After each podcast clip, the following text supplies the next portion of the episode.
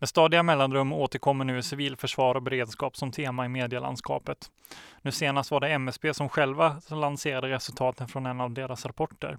Med utgångspunkt i rapporten Befolkningsskyddets förmåga och anpassning till nutida förhållanden kunde Ove Brunström från MSB berätta för allmänheten att det idag råder stort underskott på skyddsrumsplatser i Sverige. Endast 70 procents täckning finns i princip, vilket i reda tal betyder ungefär 65 000 skyddsrum. Nyheten fick ganska stort genomslag genom att P1s morgonstudio bjöd in Ove för en intervju. Hela landet kunde nu sätta morgonkaffet i halsen när de hörde MSBs nya bud. Men skyddsrum har alltid varit en bristvara och likaså civilförsvar generellt. Gränserna för vad som är brist och inte sätts från dag till dag beroende på säkerhetsläget och den allmänna opinionen. Det är också därför som vi idag kunde förfasa oss över den uppenbara bristen. medan för fem år sedan kunde vi klappa oss på axeln över det överflöd som fanns i landet. Så har det sett ut under hela 1900-talet. Skyddsrummen har aldrig räckt till. De har alltid suttit i fel städer, på fel ställen, anpassade för fel krig, med fel utrustning och så vidare. Så vad är det vi söker efter idag då? När nu skyddsrummen plötsligt har blivit en brist. Är det den gamla folkhemsnostalgin som pockar på oss egentligen? Finns det ett hundraprocentigt skydd att få? Är kriget så annorlunda nu verkligen? Med bakgrund av förra veckans skyddsrumsnyheter handlar fullt träffsäkert återigen om skyddsrum i vår nutid. En stad någonstans i Sverige. En stad där kanske du hör hemma. Eller du, eller du. Och där människor lever i fredligt skapande arbete för den dag som är och för kommande generationer. Men våra förhoppningar, våra önskningar och våra drömmar, allt kan en dag hotas och kanske förintas om vi inte slår vakt om vår frihet och vår rätt att leva i fred.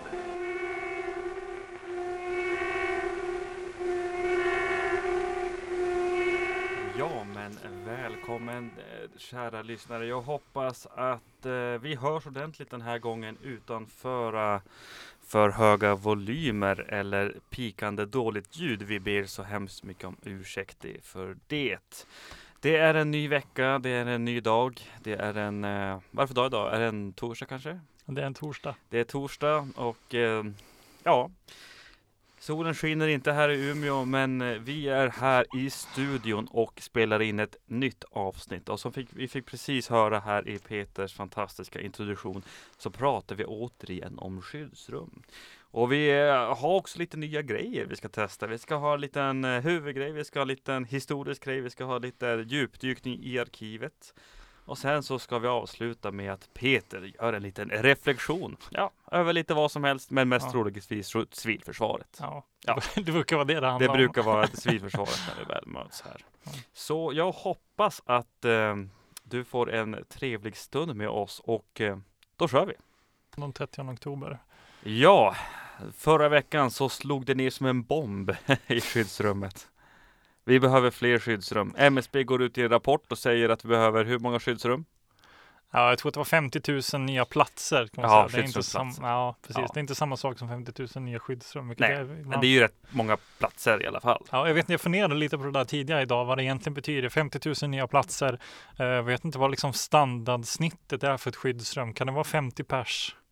Ja, tror men du, jag tror 50 till 100 pers i ett, i ett liksom normalt skyddsrum ja. i, en, i, ett hyreshus, tänker jag. Ja, men det skulle då betyda att de vill ha ungefär 1000 nya skyddsrum. Ja, och det är ganska mycket. 60, ja, det, om det finns 65 000 nu då, och så vill de ha 1000 till. Man tänker ju att det hade ju varit lättare om man kom på det här för typ två år sedan innan den Exakt. stora byggboomen. Jag oh, tänkte sorry, säga det. tog jag den stora grejen nej, men, nej, nej, men det är jättebra. Jag, jag menar, det, det, det är det som, är, som jag tyckte var en av grejerna. Vi kan ju säga först vad det, vad det, vad det, vad det är vi pratar om.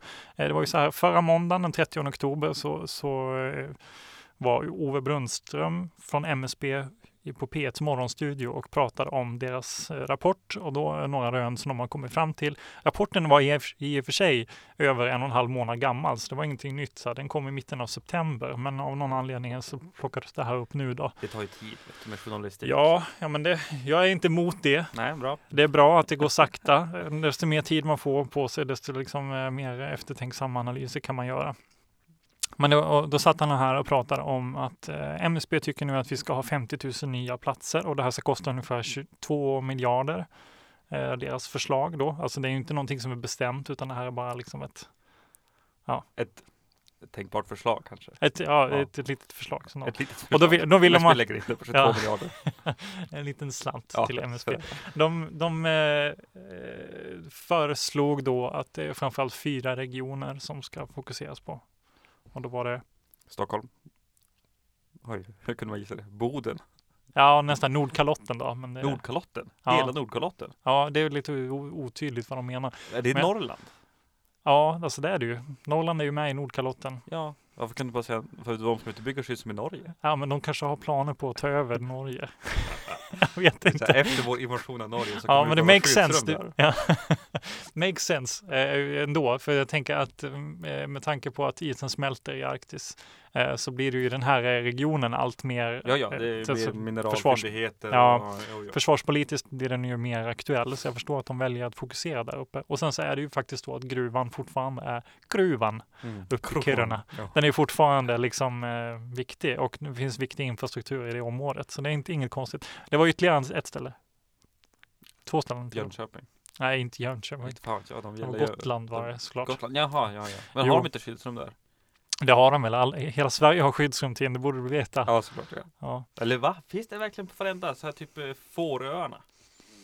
Få- Fårö vet fasen. Men finns det inte en ubåtsbas där? Ja, det kanske fanns. Ja, okej. Ja, ja, då. Nej, ja, Muskö. Nej, det var utanför Ja, Stockholm. Muskö Alltså, ligger, ju- det ligger i skärgården där. Jag måste ju, jag är inte så bra på det. här. Ja, okej. Mm. Men jag har för mig att i närheten och där finns det någon hamn i alla fall som försvaret har. Ja, skitsamma. Men och sen är det ju då Skåneregionen då givetvis som är viktig. Alltså Malmöområdet, Malmö-Lundområdet. Där, alltså på de här fyra områdena då så har vi nu Stockholm, Gotland, Nordkalotten och Skåneregionen. Här vill man ha mer skyddsrum. Mot vad då? Kriget, Ja, det är kriget. ja, Kriget med stort K. jo, nej men precis, det är väl det man nu, det här handlar om. Det Men handlar är om det, civil. bara, är, det bara, är det fler än jag som känner så här bara Oj shit, alltså jag, jag, jag kommer ju från Kiruna, jag kan tänka mig liksom hur ett ryskt stridsflygplan flyger över Lussavaara toppen sådär, snön yr. Mm. Eller kan man ju verkligen göra det? Alltså är det, är vi där nu igen? Att vi ska börja bygga för ett krig? Ja men det, Alltså ja. det, här, pra- det här pratar jag alltid om. Jag den här vet, det precis, Jag, jag, jag pratar alltid om det. men det vi är, också, det är men- värt att ta upp eh, hela tiden. Det Ja, ju, för om vi ska satsa 22 miljarder kronor som kan, kan, Ja. kan gå till jag, sjukvård, mm. vad man gör med skattemedel. Precis. Det är klart man kan fundera på det. Men jag menar, det är inte så att MSB sitter själva och bestämmer eh, vad som är värd, alltså, Nej, såklart. utan nej, nej. det här är ju, det, det är ju ett regeringsbeslut att de ska återuppbygga civil. Den här rapporten har ju kommit till för att de ska liksom utreda hur läget är. Ja. Och då, detta har de kommit fram till, så att jag vet inte. Och, det, och sen har de presenterat en lösning. Så det är egentligen, det är ju ett politiskt beslut huruvida vi ska ha de där eh, skyddsrummen eller inte, ifall det är värt. Så det var intressant att veta. Men, men visst, jag tänkte också så. Två miljarder eh, på... 22? Nej, två, mil- två miljarder. Jaha, jag hörde 22 miljarder. Jag tror du sa det. Okej, nej men det sa jag inte då. Det, Vi tyckte det är jätte, jättemycket pengar. ja, nej, 22 miljarder, det är ju nästan... Statsskulden. Ja, nej. Jag. Jag tror att, för vad var det 2014 hade försvaret 45 miljarder tror jag. Jaha. Och det har väl ökats på nu. Men det väl 16 Så miljarder. 22 miljarder hade varit enorma summor. Hur som helst, 2 Ja, miljarder är ganska mycket. Okej, det är inte så jättemycket. Nej, det är bara är- 2000 miljoner. Precis. Så om man säger det är så, så är det inte så mycket. Här i Umeå har man lagt 65 miljoner på ett nytt torg. Va? Är det 65 miljoner? Ja. Så det är, så Nej, det inte liksom, 65 Jo, det var miljoner. det, 65 miljoner. Ja men det är helt bisarrt. Tänk så många skyddsrum man kan bygga. Jag tror att man räknar ungefär 10 000 kronor per skyddsrumsplats. Okej, det är som man liksom Ja. snittar ut det. Men är det då i ny fabrikation? Alltså då är det Ja. nytt i nytt hus? Jo, säga. det är det som är en av problemen här. Hur ska vi, om vi ska analysera det här uttalandet som har gjort här. eh, Det är klart att de, jag förstår, de har gjort en analys och så presenterar de ett förslag eh, och så tycker de så här, ja, de här och varför de här områdena är valda, det är inte svårt att räkna ut. Nej, Gotland är ju, är ju försvarspolitiskt viktig. Mm. ligger som vi sa Nordkalotten också, Skåneregionen väldigt eh, liksom, viktig. Öresund ligger i närheten och så Stockholm då givetvis som är liksom stora hamnar. Det finns ja, mycket politiska folk. centret, ja. liksom, jag menar, det, det, logiken här är ju väldigt enkel och det har varit i princip samma sedan 1900 typ. Ja, Ungefär samma. Exakt. väl- Kan man inte gå längre tillbaka? Ja, ja, nästan. Stockholms slott, tre kronor. Jo, men det är klart att men Norrland var inte så viktigt förut. Nej såklart. Nej såklart. Nej, nej, nej, nej inte- på det sättet. Nej, det för att skydda befolkningen. Det sket ju man när man var kung och bodde i Stockholm. Ja, nej, men det var inte riktigt samma typ av krig heller. Nej, kanske inte. Nej. Nej, då släpper vi det. Men, eh, men eh, ja, Ja, hur vet inte, det är lite de Ja, alltså det är liksom, hur ska man göra rent praktiskt tänker jag? exakt. Det är så här att eh, anledningen till att vi har så mycket skyddsrum som jag har pratat om förut på det här programmet det handlar ju om hur man byggde städerna liksom under 1900-talet och att det fanns en skyddsrumslagstiftning som låg där i, i bakgrunden och så, så här, jobbade, på, jobbade fram de här skyddsrummen utan man egentligen behövde ta en beslut om det. De bara blev av. Mm, de kom automatiskt. Ja, de kom automatiskt. med... Skulle, det var att man skulle bygga ett nytt hus. Då blev man liksom, om man nu blev utvald av typ Länsstyrelsen, så var man tvungen att bygga ett skyddsrum. No questions asked. Precis. Och så fick man pengar. Ja, man fick visst stöd av staten. Det kunde vara en tredjedel och sen kunde man vara en tredjedel av kommunen. Mm. Och så fick man finansiera resten själv då genom hyror eller någonting annat. Mm. Så, så det var inte så, det var inte så konstigt. Men vad ska man göra nu då? Ska vi bara, din, din fråga är väldigt intressant här då. Eh, ska vi bygga, om det nu är tusen, säg att, eh, tusen nya skyddsrum. Säg att det är tusen nya skyddsrum. Hur ska man liksom placera ut dem i ett urbant landskap som i princip är ganska mättat vid det här laget? Med nya liksom, byggnads eller lägenhetskomplex och så som inte har några liksom, mm. ja, ska man bara släppa ner dem som och vem ska betala för det här? Är, mm. det, då, är det då de här två miljarderna ska gå till, till liksom just konstruktionen av de här? Ja, det kan vara intressant att veta också. Är det någon slags bidrag att det är tredjedel ja. där också? Kanske? Ja, precis. Det, hur har de tänkt? Eh, hur ska man lösa det här? Och, och jag ska säga att de här frågorna som vi ställer nu pekar på att de här 50 000 nya skyddsrumsplatserna inte kommer bli av. Nej, kanske inte. Vi, vi, vi, vi uh, gör en liten uh, spaning här och säger att vi får se hur många det blir. Men hur många platser har vi idag? Jag vet inte exakt. 7 miljoner?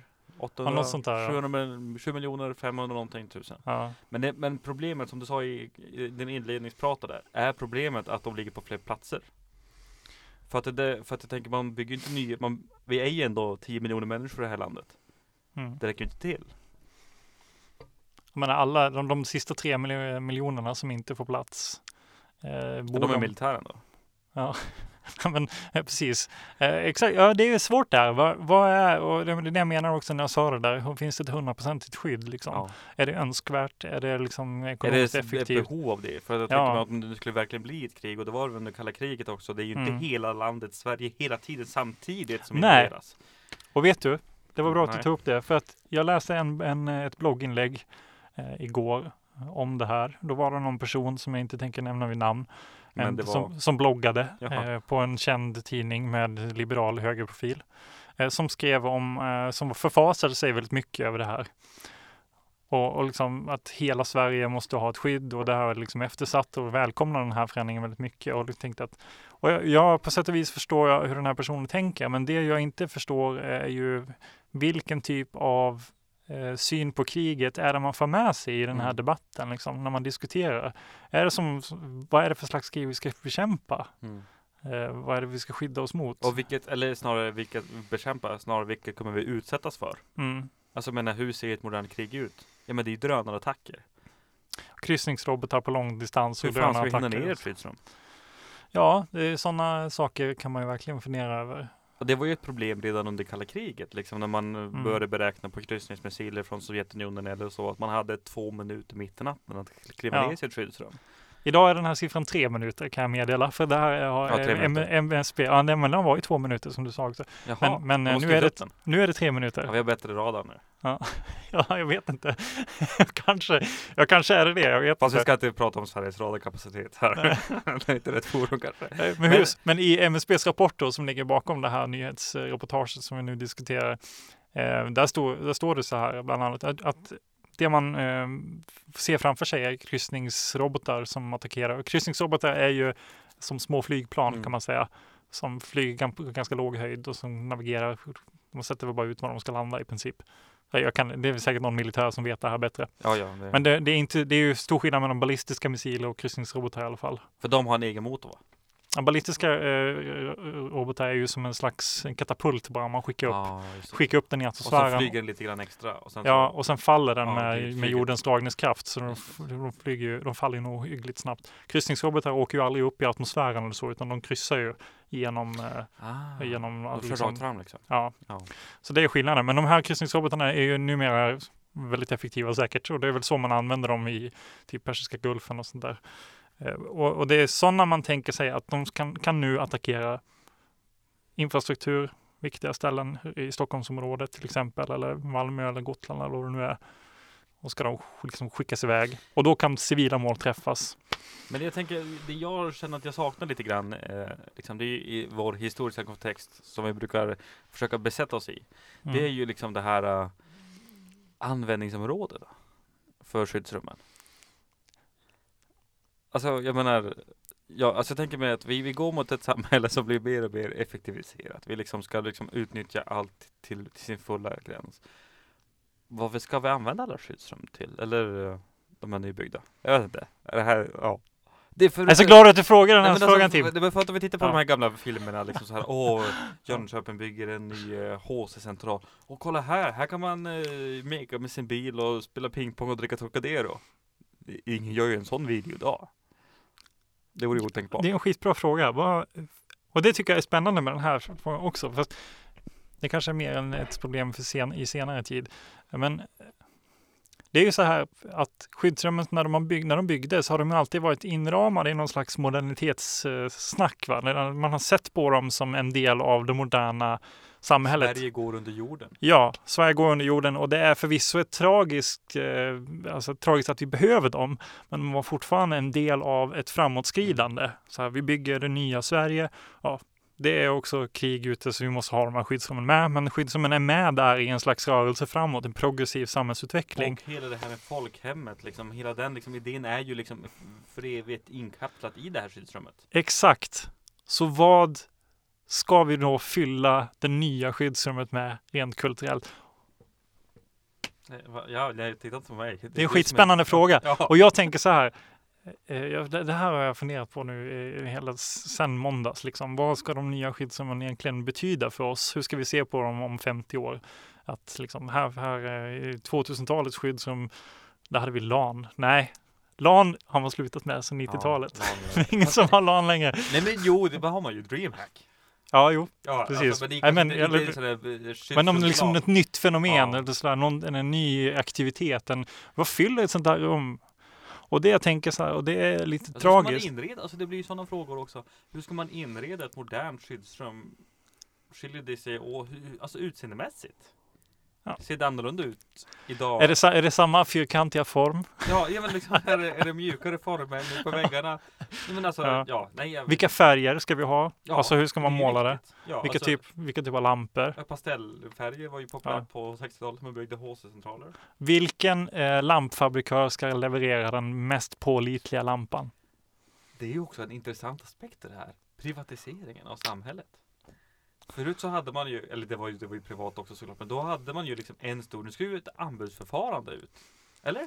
Det gjorde det Ja, jag antar att, jag men det är väl nu, vi har ju upphandling idag. Ja, upphandling menar jag. Ja. Det var, Men idag liksom, eh, ja, fast då, men det blir också det att på något sätt så blir ju det här ju en del av det här systemet. Men om vi liksom går tillbaka lite i historien här så hade vi liksom en tid där det var totalt försvar, där liksom företagen skulle gå in i någon slags krigsproduktion och börja tillverka mat. eller batterier, ja, och precis, och sånt där grejer. här.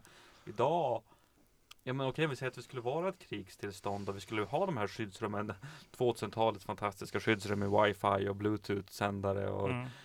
airplay. Men vad fan ska vi äta? Alltså det blir ju allt det Ja. här, allt på lite längre sikt i ett samhälle i ett krig. kan importera eh, eh, ananas från Ja. Ananasbåtarna slipper fienden igenom. Svenskarna kan ha ananas. Exakt. Och, och när vi sätter lamporna i det här nya skyddsrummet, ska vi då stoppa in liksom eh, så här, eh, kines, kinesiska lågenergilampor som Ja. pajar efter två veckor? Exakt. Ja, det blir... Var finns, var finns lumarna vi behöver liksom? Ja. Svensk beredskapsindustri. Den behöver vi nu. ja, det är du vi Jag behöver. menar, I Motala byggde de tv-apparater fram till typ 80-talet. Jag har en sån. Ja, det har jag också. Jag har, jag har en radiola. Jag har en torn faktiskt. Jag har, men den exploderade när jag slog på den. Den är Alltså. fantastisk. Jag har aldrig vågat slänga den. Alla tycker att jag ska slänga den. Men det gör jag inte. Jag tänkte bygga om ett barskåp. Men det är en helt annan sak. I alla Ja, fall. Men eh, det är ju kanske någonting, jag vet inte om det Men det är ju, som du precis som du säger, det är ju något. Vad ska vi dels fylla de här kulturellt med? Vad ska det betyda för oss? För oss individer i det svenska samhället? Och vad ska det betyda i framtiden? och här ska jag komma in och säga något tråkigt. Nej. För det som jag tänker är någonting som är ganska tragiskt med vårt moderna civilförsvar. Det är att det numera inte har den här progressiva blicken, utan det är snarare en nostalgisk blick. Det är kolla tillbaka. precis. Det är en, det är en, en ett, vad ska man säga, ett idékomplex som egentligen syftar bakåt i tiden och vi drömmer om en slags folkhemsnostalgi när vi tänker på skyddsrummet. drömmer väl ganska ofta med folkhemsnostalgi. Ja, och det är ganska ofta i många sammanhang. Och det, var, varför behöver vi, varför behöver vi eh, eh, historien om det kalla kriget i vår nutid kan man ju fråga. Och då säger jag så här, då levererar han svaren på detta. Det är så jävla komplex värld vi lever i Ja. nu. Problemen som vi ser framför oss är så väldigt jobbiga att hantera och vi ser egentligen inget enkelt svar på Mm. dem. Det finns ingen enkel politisk lösning. Aldrig funnits sådana i och för sig, Nej. men det har funnits personer som har liksom, och politiska rörelser som har la- lanserat det som en enkel lösning, typ folkhemmet Mm. och liknande, har ju faktiskt funnits lite mer destruktiva. Men- skyddsrummet har inte det liksom, nu vi, tittar tillbaka på kalla kriget, Tänk fan vad skönt det var där. Det exakt. var ju enkelt. Det var ju liksom USA, NATO, Warszawapakten, Sovjetunionen. Det är liksom bara två stora block som står och strider mot varandra. Nu är det kanske 500 Ja. olika block som slåss mot varandra. Och, man, så vet, all, man vet inte vart missilerna kommer ifrån. Kommer de från Norge? Kommer de från Ryssland? Kommer de Exakt. från eh, Polen? Och vilken jobbig värld det är och vad, vad skönt det var då, eh, eller det är, att Alltså, förs- föreställa sig, Reflektera folk det. Reflektera vanligt folk över det här. nej jag tror inte det. Jag tror inte heller Och det. jag tänker att de borde göra det, för att vad är det vi drömmer om när vi tänker på det nya skyddsrummet? Det kanske är det här. Vi har jag ett vet inte slags, om någon drömmer om det nya skyddsrummet. det kanske bara jag som gör det. Ja, det kanske. Jag vet inte om, om så här, äh, Anders Svensson i, Göteborgs förorter känner fan också. Ja, men dröm är ett fel, felaktigt ord, men vad är det vi liksom föreställer oss kanske när vi tänker på Mm. det? Eh, och det är väl, jag tänk, antar att de flesta människor som ändå har fötts innan liksom murens fall sätter nog ihop skyddsrummet med Jo. kalla krigsberättelsen och det faller ju sig naturligt att man gör det. Det är väl där man hade liksom den senaste referenspunkten. Och det är lite obehagligt att vi liksom, vill vi ha ett nytt kallt krig för att göra det, precis som du sa, göra det enkelt, Ja. för att göra världen lite mindre komplex. Liksom. Men det är liksom också det jag tänker på att jag tror att, att, att kriget eller liksom ens en tanke på ett krig är så jävla främmande från de allra flesta så då blir också tanken på ett skyddsrum också väldigt främmande. Men jag tror att om vi hade gått ut med en enkät på 100 personer på gatan och sagt ska vi ha skyddsrum eller inte? Så hade alla sagt ja. Ja. Det är bättre att ha kondom än inte. Ja, eller liksom precis. Och det, jag menar, Alltså, det är ju så jävla enkelt svar. Ja, och också alltså- så här, jag, är, är hjälm, cykelhjälm är bra eller dåligt? Ja, ja men, ja, men det är dåligt. Jag vet inte, ja, nej men, Nej, men, nej men såklart, men, men, men, men sen, okej, men vad innefattar det här att vi ska bygga skyddsrum? Jo men det innefattar att det blir krig. Och då kommer folk dö. mm. Så är det krig. Och det, ja, precis. Det jag, finns en... låter eh, alltid som, så, jag låter alltid som en pacifist har jag tänkt på när jag, är, eh, jag har det här poddprogrammet. Men det vet jag inte om jag är. Men, men det är att, man jag känner måste- att det finns ju en, en romantisering av krig. Mm. som pågår och jag, eh, jag, jag håller upp min hand och säger jag spelar spel på datorutrustning där dödar folk. Ja. Men jag vet inte om det är så jättebra att det är så glorifierat. För att krig är faktiskt inte alls så jävla coolt. Fan. Nobels fredspris till dig Tim. Men det jag, till jag håller med. Men jag antar att också och civilförsvaret har en sån här liten prägel som, som vi kanske minns också, som också är ett så här kalla krigsarv. Det här lite glättiga, eh, lite sådär mm, checka, alla är med Ja. och alla Vi kan. mot dem. Ja, men Ja. Alla kan vara med på något vis. Och de här snygga liksom. posterna när Sverige är en igelkott och bara alla tillsammans, folkhemmet liksom. Ja, Sträck ut en hand mot Sovjetunionen och säger nej, oss tar ni oss inte. nej, precis. Så det, har- det har ju den här, eh, och jag antar att den har ju väl hjälpt att kanske tvätta bort lite av det där politiska kladdet som finns runt omkring. För det är ju som de här två miljarderna kronor som man pratar om nu, det är ju en politisk fråga. Skyddsrummet eh, och, och civilförsvar generellt sett är ju, är ju en politisk fråga och man kan inte få det liksom hundraprocentigt. Men finns det, alltså så här, okej, vi tänker vi Majoriteten av skyddsrum byggdes ju under 70-talet tänker jag. Mm. Under miljonprogrammet för då liksom alla var man ju tvungen att bygga ett skyddsrum i Ja, sitt 50, miljonprogram. 50-60 eller 50, 60 60-talet 60-talet kanske, 60-talet. Ja.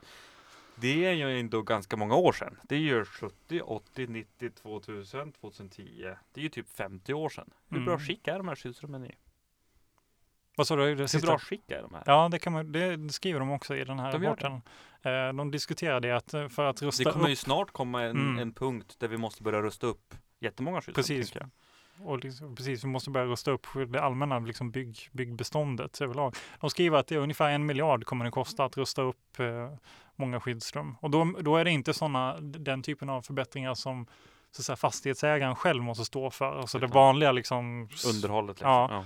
utan det här, det handlar bara om att uppdatera egentligen Mm. gamla skyddsrum men med, jag vet inte, kanske Det nya dörrar eller sådana Ja, det är saker. de här, liksom. men det är mycket med filteranläggningarna, Ja, luftfilter och precis, sånt. sådana Ja. saker som man kan tänka mig att det är det de syftar på.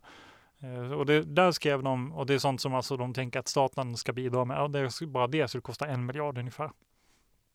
Det är mycket pengar.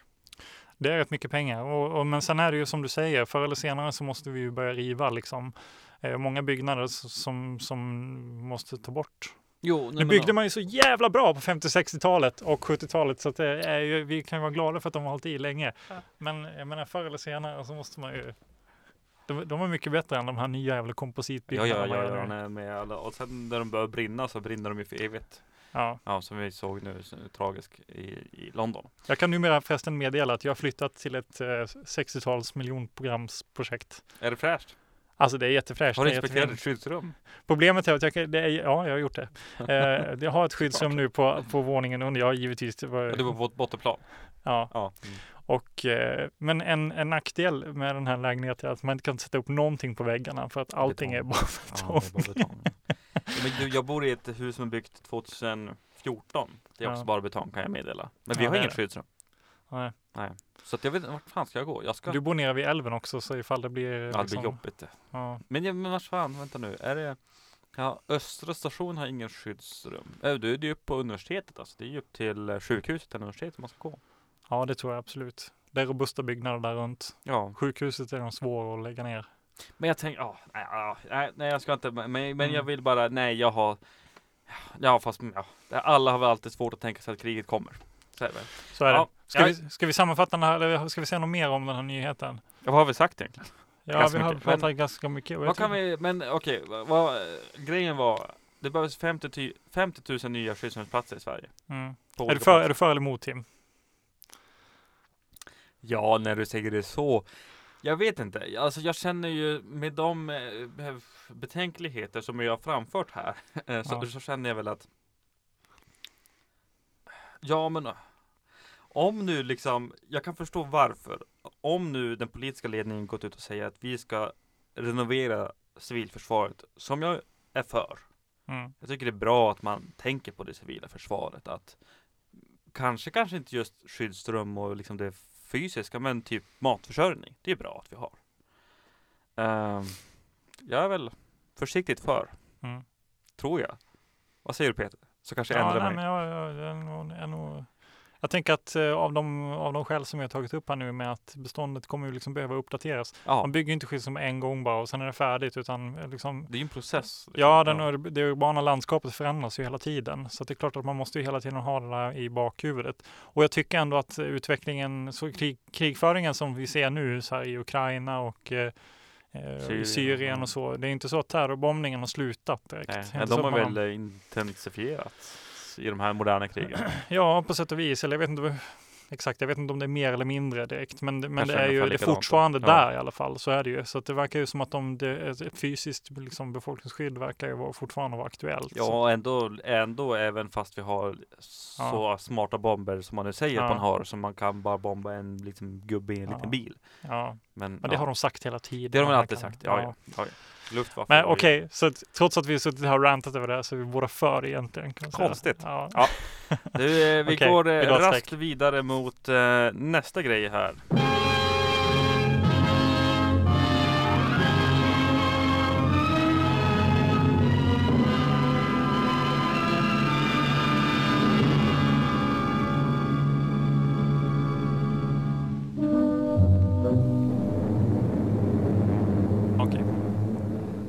Ja, och nu, nu du. Så, nu du, Mm. kära lyssnare. Här sitter vi i dina hörlurar eller i din högtalare. Nu är det dags för en ny grej här på Fullt Träffsäkert redaktion. Det är den historiska grejen.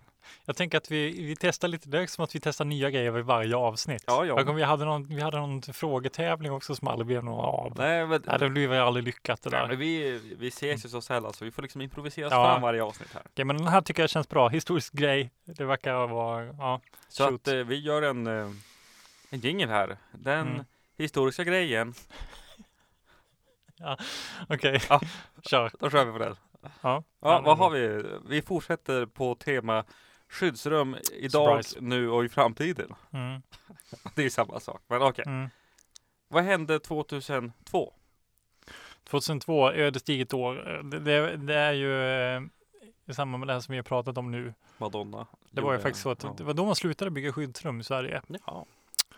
2002, då avslutades en, ska vi se, jag ska tänka efter. Men det hade väl trappats ner, tänker jag, under 90, 80, 90 Det har det gjort, absolut. Det har trappats ner, men det Mm. var då som man som regeringen beslutade att de skulle sluta lägga pengar i skyddsrumspotten. Mm. Så de sista liksom statligt finansierade skyddsrummen byggdes år 2002 och sen därefter har det alltså inte byggts några nya.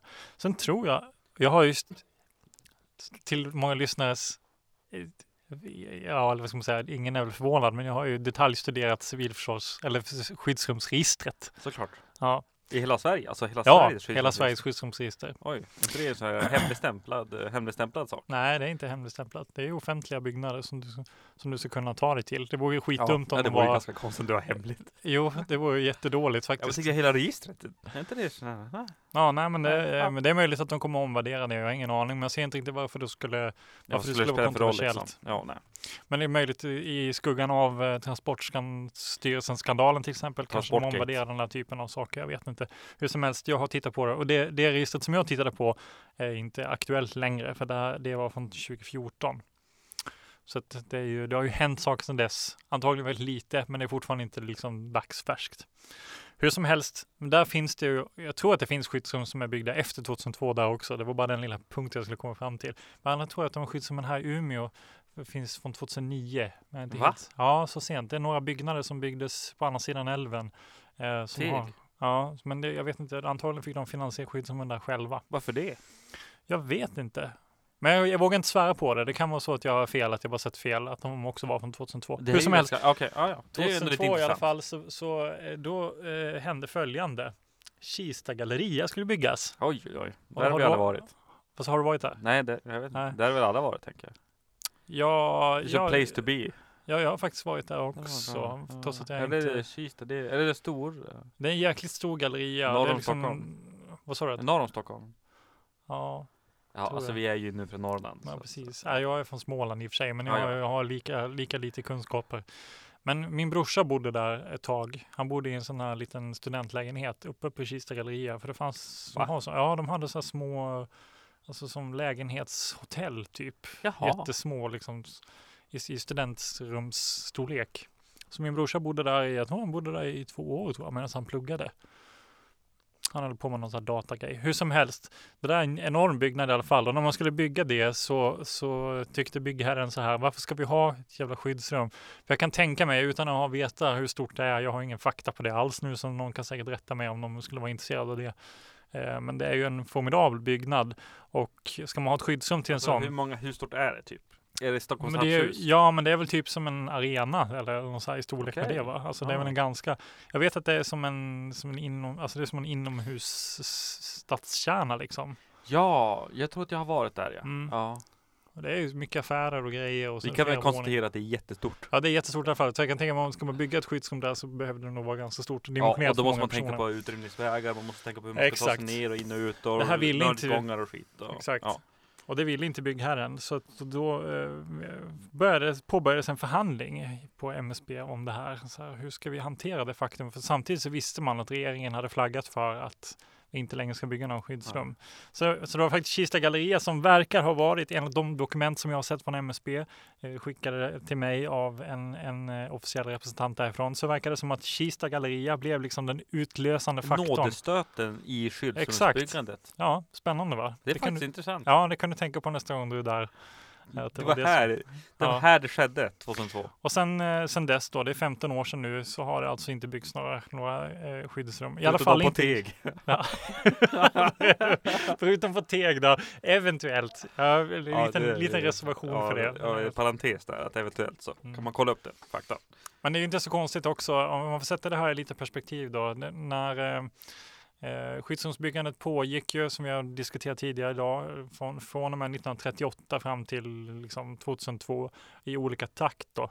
Och, så, och när det verkligen började dala, vilket årtal tror du det var? Det var säkert 1994. VM-året. ja, bra gissat. Jag trodde du skulle säga 1989. Jaha, varför det? Ja, muren Nej, ja. ja, precis. Ja, Men men det- jag, men jag tänker det är lite fördröjning för Sovjetunionen hade ju inte full- fallit än. Exakt, för 1989 är inte heller rätt. Utan eh, det var faktiskt eh, 1992 som det verkligen dalade. Okej.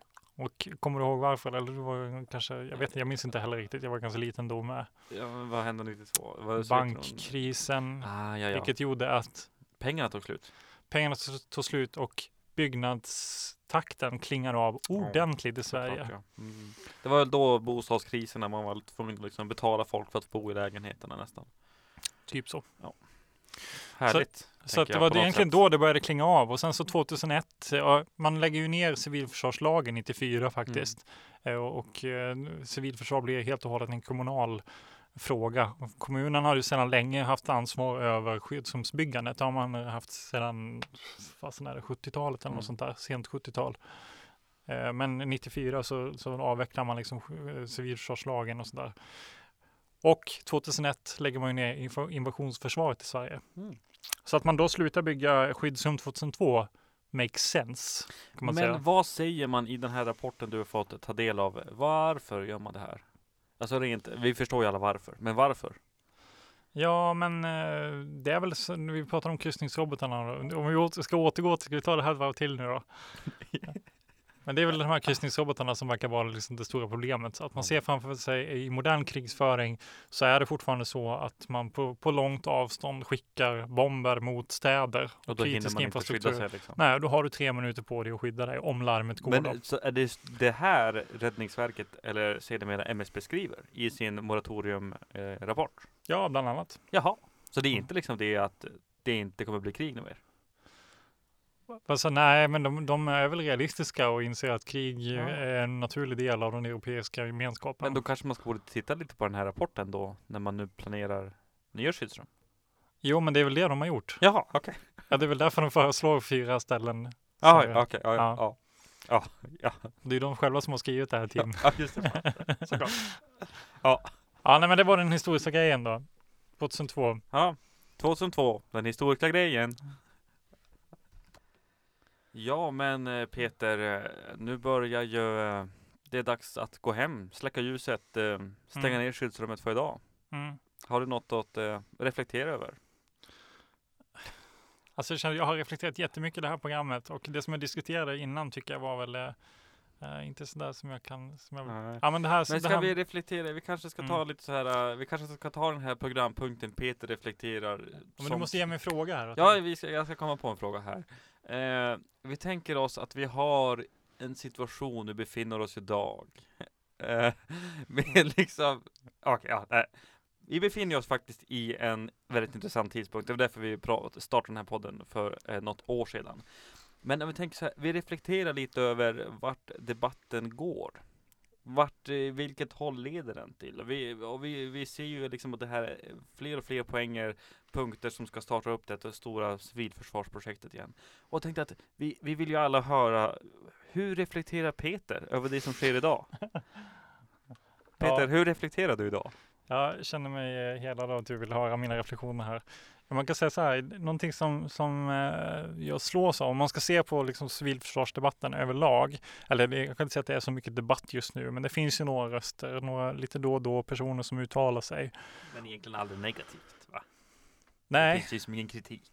Nej, det är precis. Det är negativt i den meningen att man, att man eh, liksom tycker att nu måste vi satsa pengar på det här Mm. och så. Alltså att man, Det är ju snarare att Em- vi borde satsa mer pengar ja, precis. Vi måste liksom, negativt i den meningen är det Ja. ju. Men det är ju inte någon som är liksom, ingen, det finns ju ingen kritisk ton mot själva civilförsvaret som koncept. Det är ingen som problematiserar det här offentligt i alla fall. Det är möjligt att de diskuterar sånt här på MSB eller i andra sammanhang. Men det finns ju ingen, ingen, ingen offentlig debatt om, om vad civilförsvaret gör med samhället. Och det kan, det kan väl vara min reflektion för den här dagen. Att, eh, så det saknas. Eh, och det var, jag menar, en av anledningarna till att det kallas civilt försvar, som jag säkert har nämnt tidigare i det här programmet, det var ju faktiskt för att socialdemokratin på en gång, en gång i tiden som för, förhandlade fram det civila i det här, för de tyckte att, att liksom mobiliseringen av frivilliga och civila människor eh, måste ske under ordentlig civil flagg. Det får aldrig liksom hamna i militär styrning. Och då, för att de insåg att det fanns liksom en politisk dimension i det där då i skuggan av liksom Hitler, Tyskland och ja, men ni, du förstår. Mm. Så det är klart att den, eh, jag kan tycka att eh, om, om vi ska ha en nyanserad debatt om civilförsvar så måste även eh, det rödgröna blocket engagera sig i den här frågan. För annars blir det snabbt en högerfråga.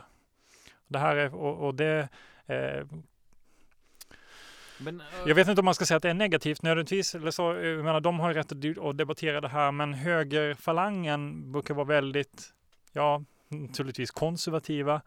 Men de kanske behöver liksom, ska man säga, jag, jag personligt så står ju inte jag höger. Och det vet kanske många här. Men eh, jag, och jag tycker inte att, eh, eh, att debatten gynnas av att bara eh, moderater och liksom centerpartister och så. Allians, ja, ja. Allians. Mm. Nej, det, alltså, jag, jag, eh, men om vi säger så här, så på något sätt, det du reflekterar över är att det saknas en reflektion i det allmänna debattklimatet kring vad det här civilförsvaret vi håller på att satsa ganska mycket pengar på verkligen innebär. Exakt, vad det betyder för samhället i stort och inte bara liksom i, i så här reda tal, så här, vi ser ju så många skyddsrum, utan det måste, vi måste ju diskutera liksom vad, Vad ska vi med det till? ja, vad ska vi med det här till? Är det här rätt väg att gå? Vilka konsekvenser har det för samhället på ett långt perspektiv att vi bygger de här Men eh, sakerna? jag kan väl känna också som så att bara, jag är ju bara en person som bor i den här staden som känner att eh, Oj, det politiska samtalet är ju kanske inte så jättekonstruktivt alltid, utan det är ganska mycket man går upp på scen och sen så tar man sin slagdänga som någon PR-konsult har skrivit ihop och sen så sk- skör man ut den till liksom sista raden. Mm. Men det här samtalet, det här uh, diskussionen, det här uh, det som faktiskt ger värde. Det existerar ju inte. Och det skulle nog verkligen behöva göra det. Innan, istället för att bara, bara bygga massa sk- skyddsrum utan att tänka på varför. Egentligen. Exakt, jag menar, och det kan man väl ge kritik till, till vänstern att de inte heller har engagerat sig i frågan och det är ju egentligen de som är slappa här. Som inte, och det beror väl också på att vänstern eh, hela tiden tänker sig att alla försök att, att liksom gynna någon slags militär är bara liksom så att gå liksom högens ärenden, att militariseringen hänger ihop med en högervåg. Och det gör den ju delvis också. Anledningen till att vi är rädda för Ryssland nu är ju liksom, ja, jag vet inte.